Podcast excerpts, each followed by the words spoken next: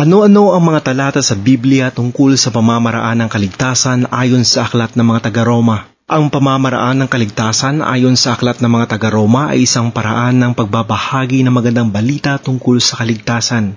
Ito'y simple ngunit mabisang paraan ng pagpapaliwanag sa mga sumusunod na katanungan. Una, bakit tayo nangangailangan ng kaligtasan?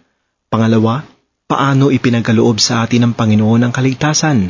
Pangatlo, paano natin makakamit ang kaligtasan? At pang-apat, ano-ano ang idudulot sa atin ng kaligtasan? Bakit tayo nangangailangan ng kaligtasan? Ayon sa Aklat ng Roma, Kabanata 3, Talata 23, sapagkat ang lahat ay nagkasala at walang sinumang karapat dapat sa paningin ng Diyos. Tayong lahat ay nagkasala. Nakagawa tayo ng mga bagay na hindi nakalulugod sa Diyos. Walang sinumang makapagsasabi na hindi siya nagkasala. Nakasulat sa Aklat ng Roma, Kabanata 3, Talata 10 hanggang 18, ang detalyadong larawan ng mga kasalanang makikita sa ating mga buhay. Ayon sa Aklat ng Roma, Kabanata 6, Talata 23, kamatayan ang kabayaran ng kasalanan. Ang kaparusahang bunga o idudulot ng kasalanan ay kamatayan. Hindi lamang ito kamatayan ng katawan, kundi walang hanggang kamatayan ng kaluluwa sa impyerno. Paano ipinagkaloob sa atin ng Panginoon ang kaligtasan? Ayon rin sa unang bahagi ng Roma, Kabanata 6, Talata 23, ang kaloob ng Diyos ay buhay na walang hanggan sa pamamagitan ni Kristo Jesus na ating Panginoon. Sinasabi sa Roma, Kabanata 5, Talata 8, Ngunit ipinadama ng Diyos ang kanyang pag-ibig sa atin nang mamatay si Kristo para sa atin nung tayo'y makasalanan pa. Namatay si Heso Kristo para sa atin, ang kamatayan ni Jesus ang siyang naging kabayaran para sa ating mga kasalanan. At ang muling pagkabuhay ni Jesus ay nagpapatunay na tinanggap ng Diyos ang kamatayan ni Jesus bilang kabayaran para sa ating mga kasalanan. Paano natin makakamit ang kaligtasan?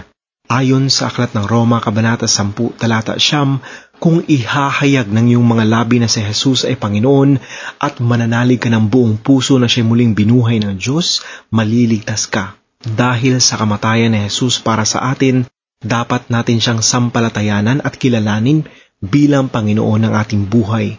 Paniwalaan natin na ang kanyang kamatayan ang naging kabayaran para sa ating mga kasalanan. Sinasabi din sa Aklat ng Roma, Kabanata 10, Talata 13, Maliligtas ang lahat ng tumatawag sa pangalan ng Panginoon.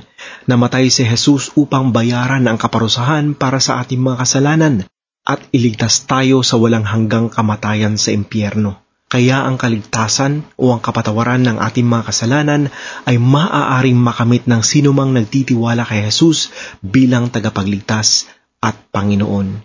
Ano-ano ang idudulot sa atin ng kaligtasan? Ayon sa Aklat ng Roma, Kabanata 5, Talata 1, napawalang sala na tayo dahil sa pananalig sa ating Panginoong Heso Kristo.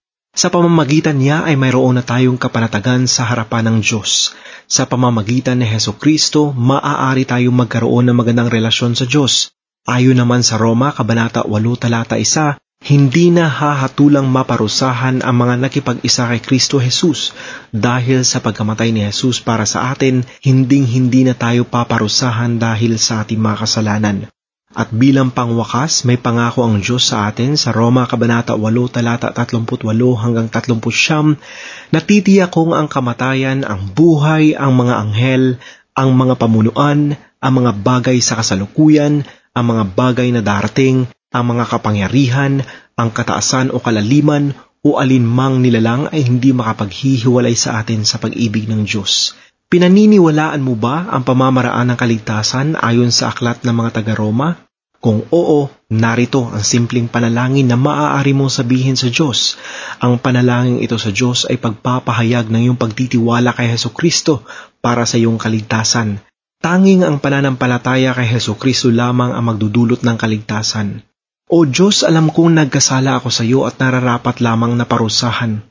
Ngunit inako ni Jesus ang aking kasalanan at tiniis ang parusang dapat ay sa akin at sa aking pagsampalataya sa Kanya, alam kong mapapatawad mo ako.